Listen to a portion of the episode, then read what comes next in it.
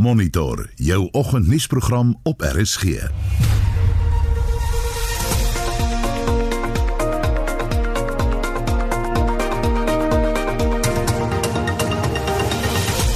die program koue weer word vir meeste dele van die land voorspel en dit sal tot volgende week voortduur.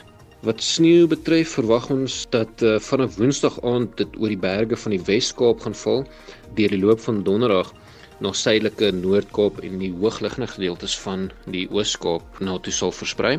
Die Wêreldbank verwag 'n inkrimping van die Suid-Afrikaanse ekonomie van meer as 7%. En onderwysers besef skole betree 'n nuwe era. Ek het vanoggend terwyl my kollegas se stemme in die klas opgeklink het, die verbreeking van die wekelange stilte in die skool se vierkant verwelkom. Onwillekeurig het my gedagtes gedraai na die voorreg van om onderwyser te wees. 'n Voorreg wat ons ontneem is. Veel erger as dit is die prys wat die leerders dalk nog sal moet betaal. Die absorbering van die negatiewe impak met ons beplanning en handelinge in die volgende weke rig. Ons het nie die luukse van 'n tweede kans nie pessimisme is nie 'n opsie nie. Goeiemôre, ek is Anita Visser. En ek is Gustaf Greiding. Welkom by Monitor.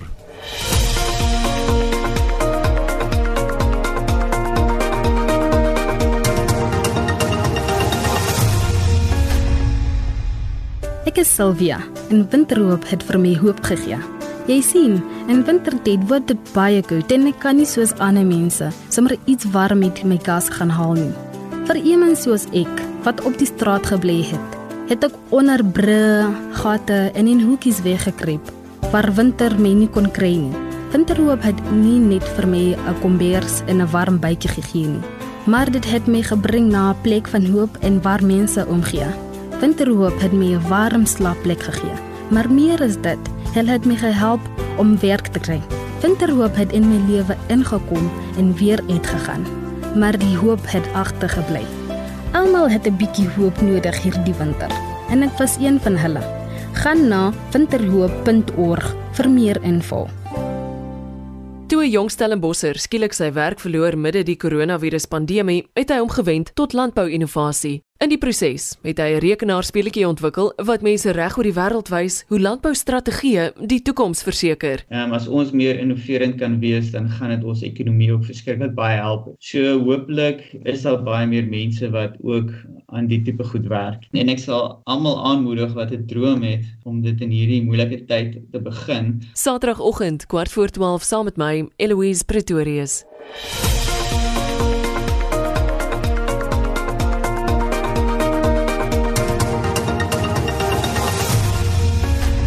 Dis nou op pad na 13 minute oor 6 is ingeskakel by Monitor op RSG 'n oorsig van die koerant voorblaaie op Woensdag 10 Junie. Die burger vandag, die skroewe draai styf om die OB. Mqobane steier na nog 'n bloedneus in die hof en dit nadat die Hooggeregshof 'n verslag van die inspekteur-generaal van intelligensie tersyde gestel het wat sy gebruik het in haar ondersoek teen minister Pravin Gordhan en die sogenaamde misdadige eenheid by die Suid-Afrikaanse Inkomste Diens. Beeld het ook daardie berig en 'n foto van 'n leeu in die Kreer Wildtuin as 'n klomp van hulle wat tydens die inperking by die wildtuin uitgesluip het en hulle is nou almal teruggejaag so toe die besoekers terugkom en opdag en die hekke weer oopgaan. En daar's ook 'n inbreker in die Lichtenburg omgewing wat 30 jaar tronkstraf gekry het na samewerking suksesvol tussen die polisie en die gemeenskapspolisieeringsforum. Volksblad vandag ook die berig oor die openbare beskermer en dan 'n foto van die ellelange rye by die verkeerssentrum waar mense nou vir lisensiehernuwings en dies meer aansoek kan doen. Business Day se voorblad vandag Etgon Etcon lok die belangstelling van 15 entiteite uh, uit wat dit dalk wil koop. Edgars en Jet kan moontlik afsonderlik verkoop word. En dit is nou die laaste uitweg van die vir die groep om aan die gang te bly met meer as 11 miljard rand se skuld. En SA Express se sakeredders kry uitstel by die hof nadat die twee vakbonde sê hulle het 'n belegger uit die Verenigde Arabiese Emirate verseker vir die uh, sukkelende lugdiens. Internasionaal op bbc.com George Floyd se begrafnis waar die oproepe in die kerk in Houston in Texas opgeklink het vir rassegeregtigheid. En is vinnig 'n oorsig oor vanoggend se nuus.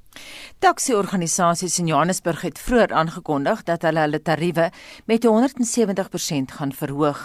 Die Alexandra, Randburg, Midrand en Sandton Taksi-vereniging, wat een van die besigste roetes van die stad bedryf, sê die besluit kom te midde van laer passasiersvolumes en duurder brandstofpryse.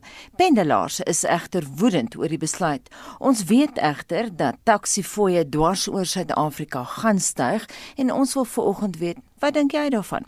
Jy kan vir ons 'n SMS stuur na 45889. Onthou dit kos R1.50 per SMS of jy kan gaan na facebook.com vorentoe skynstreep ZRSG of WhatsApp vir ons stemnota na 076 536 6961 076 536 6961 En dit is nou kwart oor 6. Onderwysers is reeds meer as 'n week lank terug by die skool om te kon verseker dat hulle skole gereed sou wees vir wanneer graad 7 en graad 12 leerders maandag dan teruggekeer het. Die kommer oor skooldae wat verlore is, eksamens wat nie geskryf word nie en of leerders sal kan aanpas, is alom teenwoordig. Estie de Klerk het met 'n paar onderwysers gesels. Hoe kry 'n mens 'n skool COVID-19 gereed? Daar was diegene wat gereken het die skool het dan vir 2 maande toegestaan. Hoekom is dit nodig dat klaskamers en die skoolgebou diep gereinig moes word? Maar daar was ook diegene wat nooit hul kinders sou terugstuur skool toe as dit nie wel gedoen is nie. Die adjunkhoof van die hoërskool Vryburg in Noordwes, Eddie Silje, waar 750 leerders skool gaan, sê skole is behoorlik toegegooi met voorskrifte van die departement. En sakeondernemings het ook nie op hulle laat wag oor wat en wat nie gedoen moet word nie. Danksy die gekoördineerde pogings van die skoolbeheerliggaam, die skoolbestuurspan, die skool se COVID-komitee kon ons spoedig die koring van die kalf skei. FETSAS en van die vakbonde het ook in die verband aan waarde toegevoeg. Ons personeel is egter 'n vindingryke span en saam met die ondersteuningspersoneel kon ons vinnig en koste-effektief die skool gereed kry. Ek moet hier spesiale melding maak van Hoërskool Vryburg se tegniese onderwysers. Die ouens is ware planmakers en hulle kon die skool baie geld en moeite spaar. Sommige skole het dinge egter moeiliker.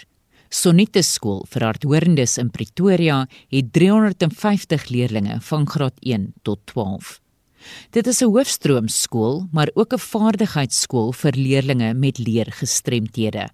Ansie van Sail is die departementshoof vir wiskunde, besigheidstudies en EBW en sê dit was baie uitdagend om die skool COVID-19 gereed te kry.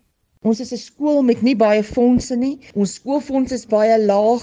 In die tyd betaal die ouers ook nie skoolgeld nie wat 'n groot las vir die skool in geheel is. Ons moes uit ons eie fondse 'n maatskappy kry wat die skool kon saniteer. Elke klaskamer, al die stoepe, die koshuise, dan moes daar strepe aangebring word vir die verskillende afstande waar die kinders moes staan op ons entreeblad voor die klasse in die klasse waar die kinders beweeg. Dan moes daar reëlings getref geword het by een sentrale punt waar die leerdlinge afgelaai moes word waar een ingang is moes gereël geword het vir die personeel waar hulle koers dan geneem word elke oggend. Dan moes daar reëlings getref word dat die kinders se boeke kan nie gemerk word nie. Ons moet met stempeltjies dan nou maar net aanwys dat ons wel deur die werk dan gegaan het. Van Sail sê saniteringstoestelle wat met 'n mens se voet beheer word, is oral aangebring en plakkate met reëls is oral sigbaar. Afsonderingslokale is ook ingerig vir leerders en onderwysers en onderwysers en leerders se koers word soggens gemeet. Spesiale reëls is ook aangetref om sosiale afstande op die speelgrond te kan handhaaf. Die personeelkamer word nou gebruik vir die bestuurspan vir hulle vergaderings en die personeelkamer vir die personeel het geskuif na ons skoolsaal toe. So, dan moes ons per speelterrein moes in afsondering gewees het een plek vir die graad 12s, een plek vir die graad 7s en dan een plek vir die graad 4s en dit was die inname vir 8 Junie gewees. Dan moet daar meer personeel aan diens wees pouse. Silje sê onderwysers aan die hoërskool Vryburg het gedurende die grendeltyd baie tyd spandeer aan afstandsonderrig. Maar terug by die skool, besef hy direkte onderrig is onvervangbaar. Sy vrou, Ansie Silje, hou ook by Hoërskool Vryburg skool. Sy onderrig Engels addisionele taal vir 136 matrieks en hulle het met afstandsonderrig gewoeker tydens die inperkingstyd. Ons het hulle in Engels hoofsaaklik aan die lees gehou deur begripstoetse, opsommings en visuele geletterdheid te laat doen. Ons behandel Macbeth en gedigte in die literatuurafdeling en daar gaan net te veel detail en lekker kry verlore as hulle dit op hulle eie moet doen. Maar Ansie Silje sê daar heers tog groot kommer dat matrieks nie meer die Junie eksamen skryf nie omdat die eksamen altyd as die laaste voorbereidingseksamen beskou word voor die rekordeksamen in September. O, dit het baie beslis 'n groot impak aangesien byna al die werk reeds in Junie voorberei word sodra dit behandel is. Harde werkers doen dit steeds, maar die ouetjies wat traag is om akademies besig te bly, spook om in September alles gelyktydig baas te raak. Die toepassing van handhigiëne in Hoërskool Vryburg sal maklik gehandhaaf kan word, sê meneer Silje. Die dra van maskers en om sinvol daarmee met mekaar te kan kommunikeer en veral die handhawing van sosiale afstande bring beslis uitdagings. Ek vermoed dat die leerders se gebrekkige toepassing van die maatreëls gedurende die Grendeltydperk nou skaafwerk gaan vereis. As onderwyser vind ek dat die maskers effektiewe kommunikasie uitermate belemmer. Kommunikasie is nie net beperk tot die verbale nie. Gesigskerms bied tot 'n mate daarom verligting. By Sonitis is dit veral 'n uitdaging. Hardhorende kinders lees lippe, so leerdlinge en onderwysers moet gesigskerms dra. Ansie van Sail verduidelik ook dat die sosiale afstandsmaatreëls daagliks aan van al leerdlinge verduidelik moet word. Ons kinders verstaan nie altyd hierdie goed as hy altyd vir juffrou 'n drukkie wil gee en nou mag hy nie. Dit moet ons maar vir ons kinders baie goed laat verstaan. Elke kind is toegerus met gesigmasker en dan nou 'n gesigskerm. Net een kind mag per slag in 'n badkamer ingaan. So dit is ook maar vir vir die sosiale afstande. By elke klas voor elke klas na elke klas moet die banke, die stoele die kinders gesaniteer word. Eddie Silje sê hy het vanoggend in die vierkant van die hoërskool Vryburg skielik stil geword en besef: onderwyser wees, dit wat hy amper sy lewe lank doen, is 'n roeping en positief wees en vorentoe kyk is wat almal nou moet doen. Ek het vanoggend terwyl my kollegas se stemme in die klas opgeklink het, die verbreeking van die wekelange stilte in die skool se vierkant verwelkom. Onwillekeurig het my gedagtes gedraai na die voorreg van om onderwyser te wees. 'n Voorreg wat ons ontneem is. Veel erger as dit is die prys wat die leerders dalk nog sal moet betaal. Die absorbering van die negatiewe impak moet ons beplanning en handelinge in die volgende weke rig. Ons het nie die luukse van 'n tweede kans nie. Pessimisme is nie 'n opsie nie. Ek is Estie de Klerk vir SAK nuus. Baie welkom by Monitor 622 en die sakeverslag word nou aangebied deur Johan Botchits van PSC Wealth Pretoria Oos. Goeiemôre Johan. Môre Anita. Die goeie loopie in wêreldmarkte van die afgelope paar dae het gister stoom verloor met die meerderheid van die belangrikste indekse wat gister in die rooi gesluit het.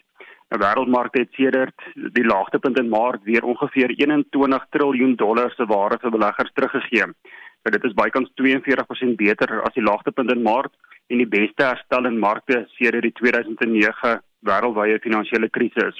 Nou die MSCI wêreldindeks wat aandele van beide ontwikkelde en ontwikkelende lande insluit, verhandel nou op 'n toekomstige prys-verdienste verhouding van ongeveer 20 keer. Nou dit is die hoogste op die duurste vlakke sedert 2002. Baie ontleeders voel steeds gemaklik met die hoë waardasievlakke vanweë sentrale banke se bevestiging dat hulle sal bly geld voorsien om ekonomiese groei te te stimuleer.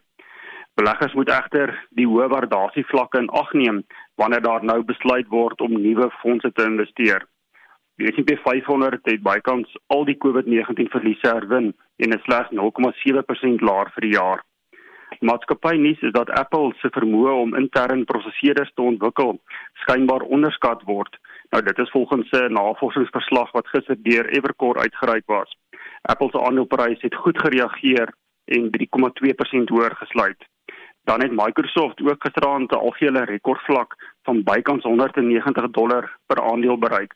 Nou dis die eerste die, die eerste nuwe rekordvlak sedert um, 10 Februarie van die jaar. As ons dan meer spesifiek na die markte kyk, die JSE het gister weer in die rooi gesluit. Die algehele indeks was 0,4% laer en het op 54483 punte gesluit. Die top 40 indeks was ook vir 0,4% laer. Goudaandele was gister lekker sterk geweest met die indeks wat 3,8% hoër gesluit het. Van die uitblinkers van die dag was Imperial wat 5,5% hoër was, RMI 4,6% hoër en dan ook Goldfields 4,2% hoër. Europese markte was ook swakker. Die FTSE 100 het 2,1% laer gesluit op 6335 punte. In Frankryk was die CAC 40 1,5% laer en die Duitse DAX ook so 1,6% laer. In Amerika gisterand het die Dow Jones 1,1% laer gesluit op 27272 punte. Die S&P 500 ook so 0,8% laer. Ehm um, die Nasdaq het agter 0,3% hoër gesluit en het nuwe rekordvlakke getoets toe dit intradag bo die vlak van 10000 punte verhandel het.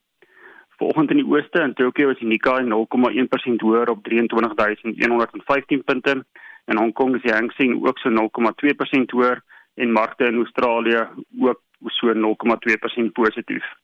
Op kommoditeitsmarkte verhandel goud teen 1717 dollar per fyn ons, platinum teen 872 dollar of so 0,3% hoër en olie kos 40 dollar en 57 sent per vatjie. Op die valutamarkte het die rand verhandel teen R16.61 vir 1 Amerikaanse dollar, R21.17 teenoor die Britse pond en R18.85 teenoor die euro. Dis al van my kant af. Ek wens julle luisteraars 'n wonderlike dag toe. Dieselfde vir jou dit dan die finansiële verslag vanoggend aangebied deur Johan Botchits van PSC Wealth Pretoria Oos.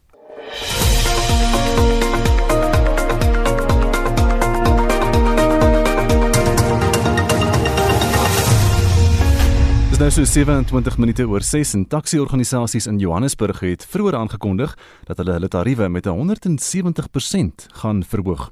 Die Alexandra Randburg Midrand en Sandton Taxi Vereniging Amsta wat een van die besigste roetes van die stad bedryf, sê die besluit kom te midde van laer passasiersvolumes en duurder brandstofpryse.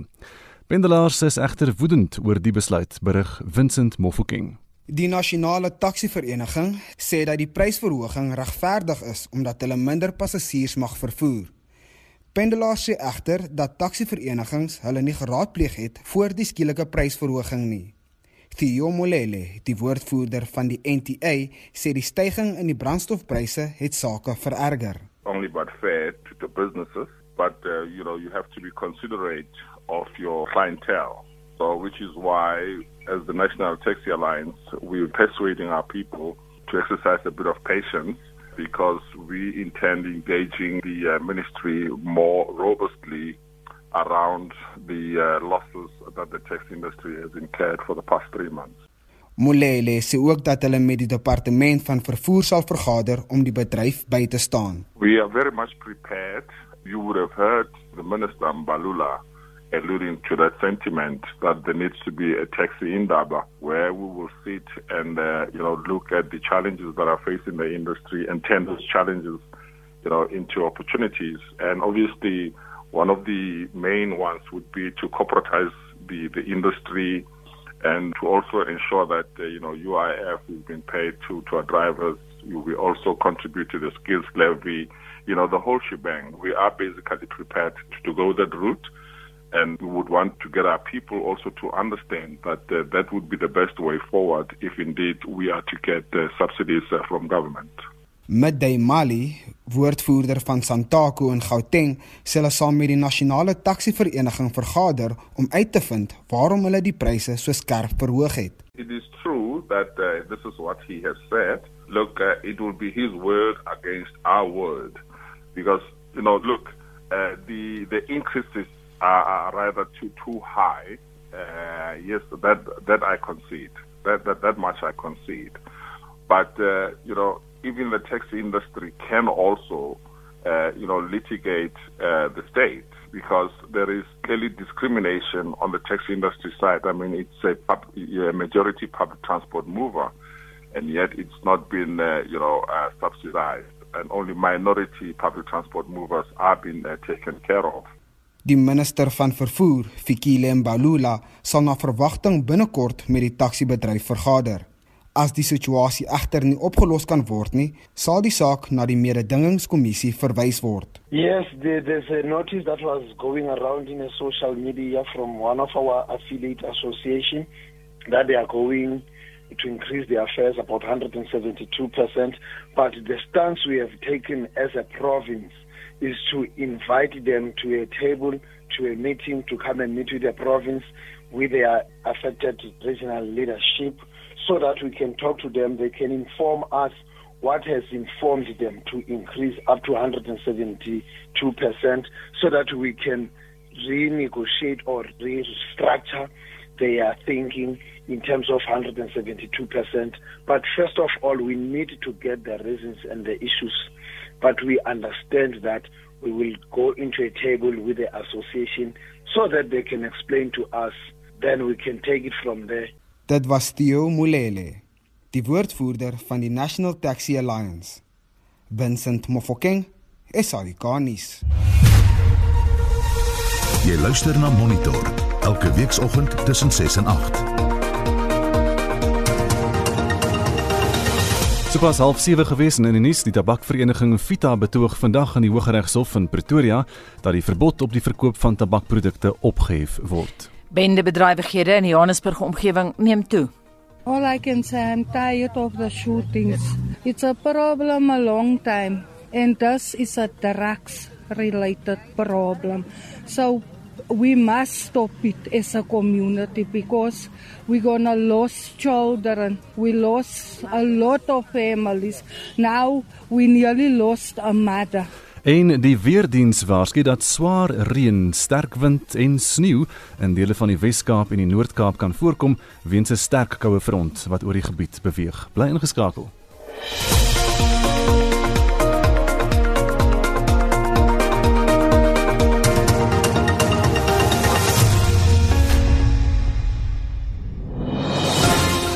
Jy kan Sondagoggend net na die seweernuus inskakel vir Sondagjoernaal.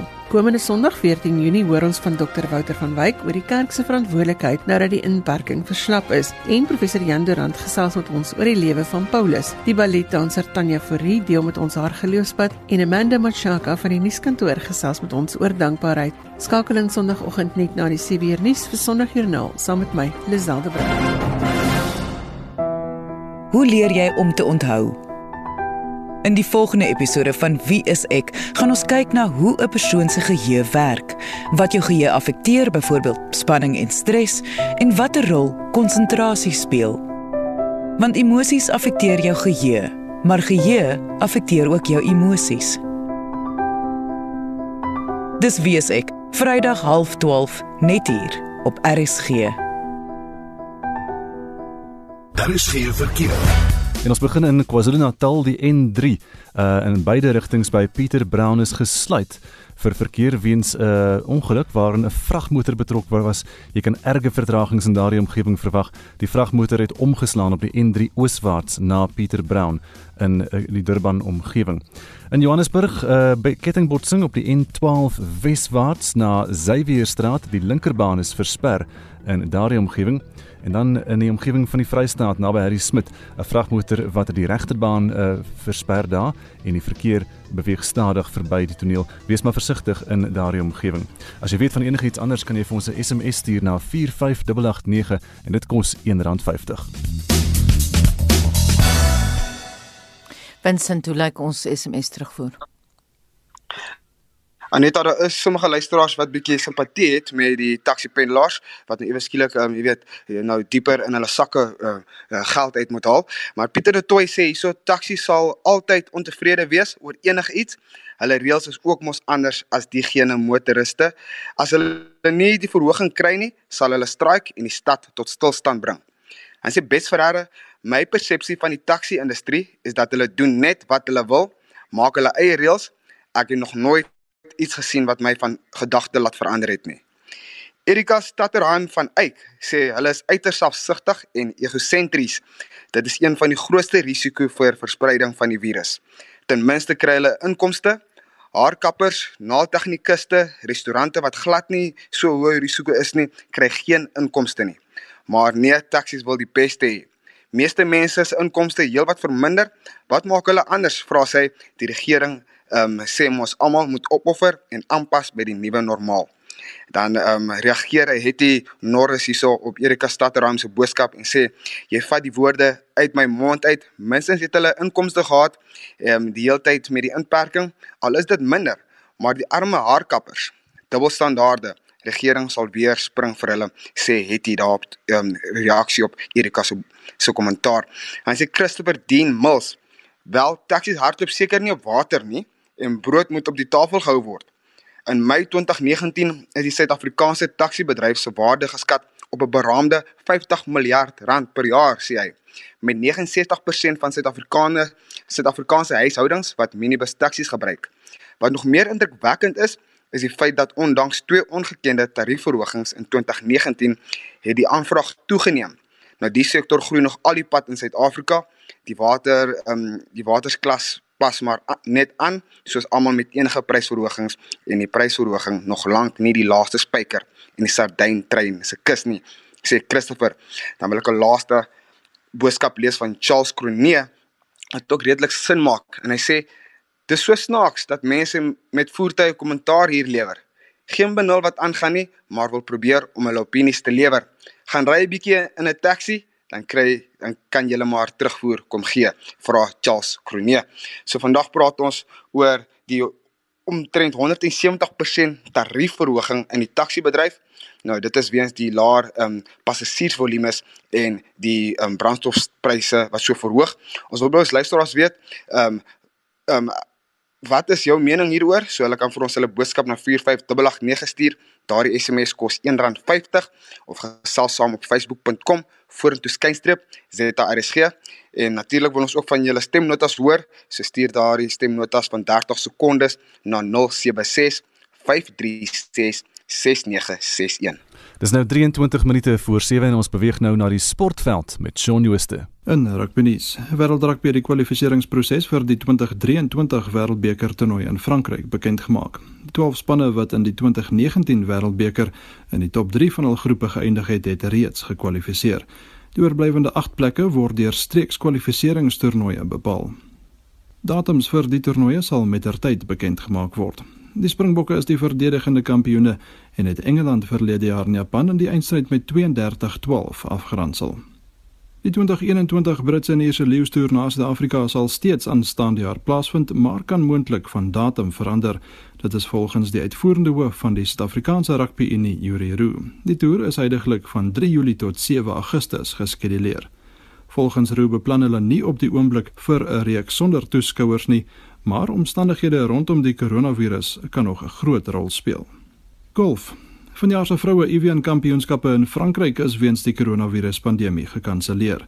Die kampioenskappe is een van die 5 vroue majors en was vroeër die jaar van 23 tot 26 Julie na 6 tot 9 Augustus uitgestel.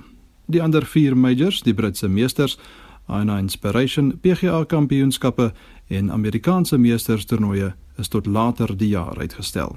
Perderesies Suid-Afrika se enigste sandresiesbaan, Flamingo Park in Kimberley, se deure sluit aan die einde van Julie. Afrigters en joggies het briewe ontvang wat hul kennis gee. Die baan sou eers aan die einde van die jaar gesluit word, maar die koronavirus het dinge so bietjie vinniger laat gebeur. Van die afrigters het reeds na Durban en Port Elizabeth geskuif. En laastens, daar is byna 20000 inskrywings vir Sondag se virtuele Comrades Marathon ontvang. Die maraton is vroeër die jaar weens die koronaviruspandemie gekanselleer, maar organiseerders het kort daarna aangekondig dat 'n virtuele wedloop vir atlete reg oor die wêreld beskikbaar sal wees. Atlete kan by hul huise, in die strate of in parke hardloop. Die 2019 wenners, Edward Motibi en Gerda Steyn, sê hulle gaan aan die 21 km deelneem. Besoek gerus www.comrades.com vir meer inligting. Shaun Schuster, SAK Sport. Die Wêreldbank voorspel negatiewe groei van 5,2% vir die wêreldekonomie. Suid-Afrika se ekonomie gaan slegter vaar met 'n inkrimping van meer as 7%, dis nou 7,1.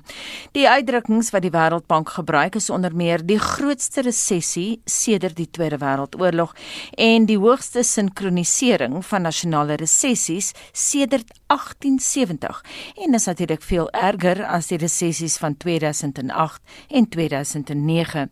Die rede is die COVID-19 pandemie wat sedert die begin van die jaar woed. Nou vir sy perspektief daarop praat ons nou met PSG se beleggingsekonoom Dawie Klopper. Dawie, goeiemôre. Goeiemôre Gustaf. So inkrimping was verseker te wagte, maar wat is jou reaksie op die 7,1%? Ja, dit is groot, soos Anita nou daar gesê het, eh, dit is die grootste in baie baie jare en dekades. Ehm um, dit is 'n redelike syfer wat wat heeltyd beweeg. Ehm um, dis moeilik om in hierdie omstandighede presies te voorspel hoeveel hier, hoe diep hierdie afswaai gaan wees. Ek dink wat ons weet is dit gaan groot wees, dit gaan groter as 2008 wees en dit gaan diep wees. Ek dink die een ding wat ons dalk ook net daarom moet raak sien as ons hierdie syfers hoor, dan moet ons ook weet daar's geweldig baie hulp verleen aan die wêreldekonomie en dat die resessie dalk relatief kort gaan wees. Soos dinge nou staan gaan ons volgende jaar dan 'n redelike vinnige herstel kry vanuit hierdie diep afswaai wat ons nou beleef. Davie, hoekom het aandelebeurse redelik sterk gebly? Ja, dit is die groot vraag. Ehm um, die ontkoppeling tussen die aandelebeurse en die reële ekonomie. Ehm um, dink ek moet toegeskryf kan word aan aan dalk die hulp wat gegee is juis. Daar's geweldig baie finansiële hulp, ehm um, likwiditeit in markte ingepomp en terselfdertyd is rentekoerse gesny na rekordlae vlakke toe. En omdat rentekoerse so laag is en dis vir beleggers nie 'n 'n werklike opsie is nie is eintlik geen opsie om in rente beleggings te gaan wegkruip of om te gaan jou opbrengste data gaan soek nie. Moet hulle elders gaan opbrengste soek. En is dit dan die plek om te gaan opbrengste soek in die aandelebeurse en met die geweldig baie likwiditeit het dit natuurlik die markte aangehelp daar is dividende wat daarom nog betaal word. Hier en daar word dividende wel oorgeslaan, maar daar word daarom nog dividende betaal, so dit gee vir jou opbrengs. En in die proses waar die markte dan styg, um, skep dit dan nou meer vraag na aandele en is beleggers dan bereid om in aandelebeurse te gaan um, belê op hierdie stadium. David, daar vind nou 'n produksiegroei plaas, maar sal daar 'n aanvraag wees vir die produkte wat nou gemaak word? Dit is dit is dalk die ding, ehm um, dat ons nie weet ehm um, presies hoe gaan dinge uitspeel vorentoe nie. Ja, oral kom in die wêreld kom produksie aan die gang. Byvoorbeeld China en hulle begin weer te produseer, hulle fabrieke kom in die gang en hulle het weer vraag na sekere insette, um, metale byvoorbeeld en kommoditeite. Maar nou het hulle hierdie goed vervaardig en as hulle dit nie kan uitvoer nie na plekke waartoe daar nou vraag is vir hierdie produkte wat hulle vervaardig nie, dan wonder mense net wat gaan die tweede ronde effek van van dit alles wees. Ehm um, en gaan dit dan daartoe lei dat daar te veel produksie is en daar 'n ooraanbod is en dit kan selfs lei tot laer pryse uiteindelik van daardie vervaardigde produkte. Die groot ding is in die wêreld is maar net as daar nie globale handel is nie, as toerisme nie in die gang kan kom nie, dan gaan 'n mens vind dat die wêreldekonomie onder druk kan bly. Dit is groot drywers van die ekonomie, globale handel, toerisme, kommoditeitsuitvoere, ehm um, ja, die klas van goed. Daarby verbruikers se gedragspatrone moes noodgedwonge verander tydens die inperking, maar gaan daai veranderings langtermyn wees? Ek wil amper so dink, minstens vir 'n klomp jare hierna vorentoe, as ons nou langtermyn praat, 10 jaar, 15 jaar selfs vorentoe. Ek dink die een groot ding wat ons hier moes gesien het eh, is dat ehm um, mense gaan dink ek ehm um, vir hulle noodfondse in plek hou. Hulle gaan besef hierdie klas van ding kan gebeur en dat jy op 'n manier jouself daarvoor moet voorberei. Een manier gaan wees om te sorg dat jy vir 3 tot 6 maande genoeg geld in die bank het beskikbaar het om te kan gebruik om te kan oorleef wanneer so iets jou dalk weer sou tref. En dalk gaan nooit so iets vir ons in die volgende 100 jaar ons weer tref nie. Maar ek dink die bekommernis, die vrees dat so iets wel kan gebeur, dat daar weer 'n black swan gebeurtenis kan kom, gaan maak dat mense versigtiger gaan wees en hulle self gaan gereed hou om dit te kan oorleef wanneer dit jou weer sou tref. Daarby op daardie punt van verbruikers se gedragspatrone, verwag jy dat daar groei gaan wees in e-handelplatforms en dat mense baie meer gaan belê dalk in sulke maatskappye? Dit is die ding dat ons gaan sien dat dit is deel van die gedrag wat dan ook kan verander, is dat mense se se ingesteldheid oor wat hulle koop gaan verander. Dit het ons nou nie eers oor gepraat nie, maar dan ook hoe hulle dit koop kan verander. Eh, mense het nou geleer dat dit moontlik is om oor die internet ehm um, jou aankopies te doen ehm um, en by jou huis te laat aflewer en dat dit dalk maklik is en dat dit effektief kan wees en dat jy nie te lank hoef te wag vir daai produkte om te kom nie. En dus ehm um, is dit dalk die manier van hoe handel kan plaasvind in die toekoms. Dit kan 'n impak hê op byvoorbeeld die inrigting van winkelsentrums en die die behoefte aan winkelsentrums. Jy gaan groot stoorruimtes nodig hê om hierdie produkte wat versprei moet word te huisves sodat dit maklik kan versprei word. En in die proses moet maatskappye hulle gereed maak daarvoor. Hulle gaan dit doen omdat die gedrag in daardie rigting verander, gaan dit dan ook iets wees wat meer permanent van aard kan word. En dan moet 'n mens verwag dat eh, die maatskappye wat hierin spesialiseer, um, 'n aanvraag kan kom en dat dit 'n beleggingsgeleentheid kan word. Daar wie al normaliseer alles soos wat jy voorspel selfs dalk teen volgende jaar kan begin gebeur. Gaan ons terugkeer na 'n nuwe veranderde normaal of hoe? Ek dink verseker so. Ehm um, alhoewel mense nou verwag dat die ekonomie weer in die gang kan kom en die syfers gaan dit vir jou so wys, dink ek gaan dit lank vat voordat ons terug is by 2019 se hoogtepunte byvoorbeeld. Dinge gaan verander. Ehm um, daar is nie ehm um, die, globale handel gaan nie sommer net aan die gang kom nie. Toerisme gaan nie sommer net aan die gang kom nie. Daar gaan laer ehm um, vlakke van aktiwiteit wees as van tevore. So hier gaan 'n nuwe normaal tot stand kom. Um, ons het verlede week ook op 'n stadium hieroor gepraat. Ek dink die wêreldekonomie is nou op 'n nuwe vlak, op 'n baie laer vlak. Ehm um, gaan as te ware 'n nuwe basis vorm. Uh, ons praat ons kan praat van ons moet reset as jy die wêreldekonomiese forum praat daarvoor daarvan dat dit 'n geleentheid is om die wêreldekonomie na 'n nuwe, beter plek te neem hierna. Ehm um, dit is ook die Wêreldbank wat dit nou in hulle onlangse verslag nou twee dae terug se verslag gesê het. Ons moet hier uitkom en by 'n beter plek uitkom. En ek dink dit is iets waaroor die hele wêreld moet dink. Die die ongeluk in hierdie situasie is net dat ons het nie staatsmanne op die oomblik in die wêreld wat die ekonomie wat die wêreld sien toe kan neem nie. Ehm um, dink net aan die gebrek aan leierskap. Dink Amerika, dink president Trump. Eh, die leierskap wat van daai kant af kom is ongelukkig nie op die regte vlak dit ontbreek behoorlike leierskap. So alhoewel al hierdie geluide gemaak word dat dat ons by 'n beter plek moet uitkom, is ek tog op 'n manier bevrees dat daar ongelukkig nie die regte leiers op hierdie oomblik in plek is om ons soontoe te neem nie. En wat van ekonomiese leierskap? Watter lesse het COVID-19 die ekonome geleer? Ja, ek dink daar is tog 'n hele klomp lesse wat 'n mens kon wat mens raak moes gelees eh, ge, ge, geleer het. Een is dat sogenaamde black swans gebeur. Hierdie groot diep afswaai gebeur gereeld genoeg dat 'n mens moet weet dit gebeur dat jy nie moet daarvan vergeet nie. Dit is moeilik om daarvoor te beplan, maar soos wat ons nou 'n bietjie daaroor gepraat het, jy kan tog op 'n manier voorsiening maak. Bou 'n noodfonds in plek as jy 'n individu is. As jy 'n regering is, maak jy weet hierdie goed gebeur. Moenie te veel geld leen nie. Hou hou jou bedryf en staatsfinansies so dat jy fondse in plek het of ruimte in plek het om jou ekonomie te kan help wanneer dit kom. Suid-Afrika het eintlik op in 'n baie swak posisie in hierdie ding ingegaan. Ons ekonomie was nie sterk nie en dis sukkel ons om nou behoorlik hulp te kan verleen. Daarenteen was daar sterk ekonomieë in die noordelike halfrond wat tog hulle ekonomie kon help. 'n Verdere les sou miskien wees is dat ons nou daaroor gepraat het dat leierskap is nodig om ons na beter plekke toe te neem. Ehm um, en dit is ontbreek nou. Ons moet oppas dat um, in hierdie proses dat kapitalisme nie in gedrang kom nie. Dat kapitalisme uitgewys word vir probleme. En ek dink mense moet na 'n plek toe beweeg waar ons kapitalisme bedryf met sogenaamde verantwoordelikheid met 'n sosiale gewete. As ons dit nie doen nie, kan die hele kapitalistiese stelsel in gedrang kom. En daardie raad kom van PSG se beleggingsekonoom Dawie Klopper. En so 12 minute voor 7 die Suid-Afrikaanse weerdiens voorspel koue, reën en sneeuwweer in die Wes-Kaap na 'n koue front die provinsie laasnag getref het.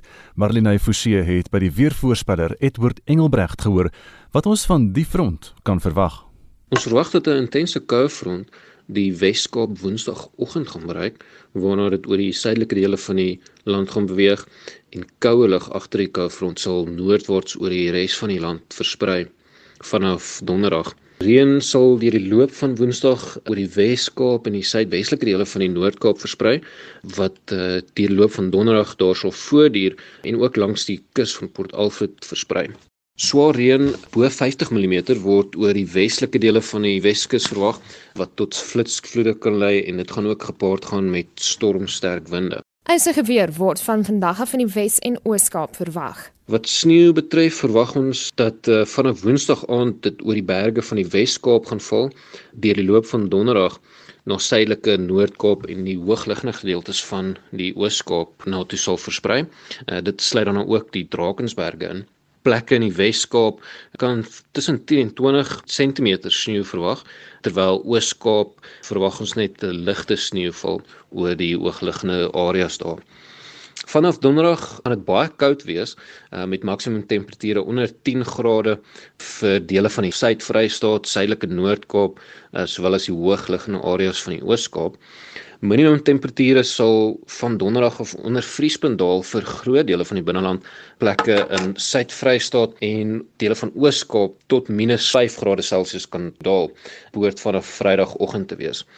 En dan sal die koue temperature voortduur vir deur die loop van die naweek en verwag ons eers dat uh, vanaf Maandag die temperature behoort te herstel. Dit was 'n weervoorspeller aan die Suid-Afrikaanse Weerdiens Edward Engelbrecht. Ek's Marlene Forsie vir SAK nuus.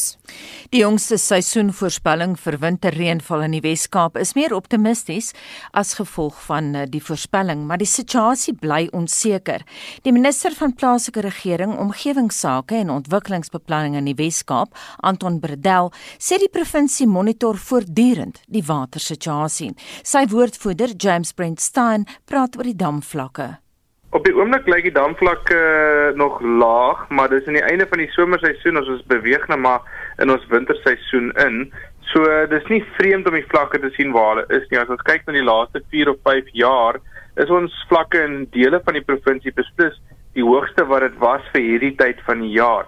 Stad Kaapstad byvoorbeeld se gemiddelde damvlakke is amper 55% en dis uitstaande vir die stad. Natuurlik ander dele van die provinsie is dit swakker as dit, maar vir hierdie tyd van die jaar is is dit nie te ontstellend nie, maar ons hoop om goeie reën te sien in die maande wat voorlê om die vlakke op te stoot van waar hulle op die oomblik is. So ek sien die Volvlei dam is 51,2%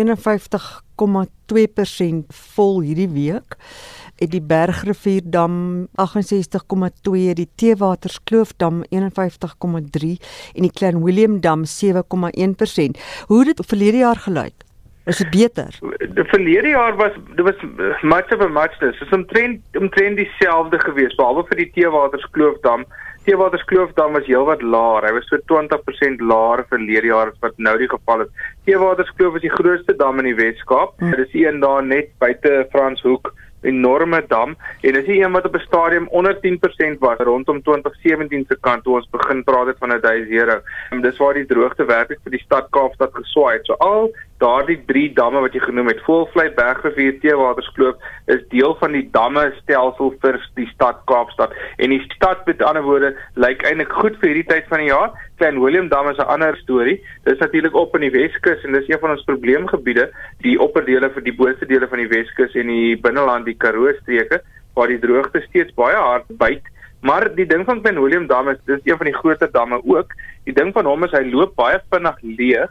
Dit is ook 'n baie groot besproeiingsdam, maar hy loop ook weer baie vinnig vol en hy het 'n baie groot opvangsgebied. So wanneer dit lekker reën, dan kan jy hom baie vinnig sien optel. So ons hoop op goeie reën in die maande wat voorlê. Die Suid-Afrikaanse Weerbureau het ons maandag weer net 'n jongste opdatering gegee en gesê dat die seisonale vooruitsigte lyk op hierdie stadium vir hulle heelwat meer optimisties en ons hoop dat hulle reg is. En so sê James Brentstein, hy is die minister van plaaslike regering in die Wes-Kaap, Anton Bredel se woordvoerder en hy het met Mitsi van der Merwe gepraat.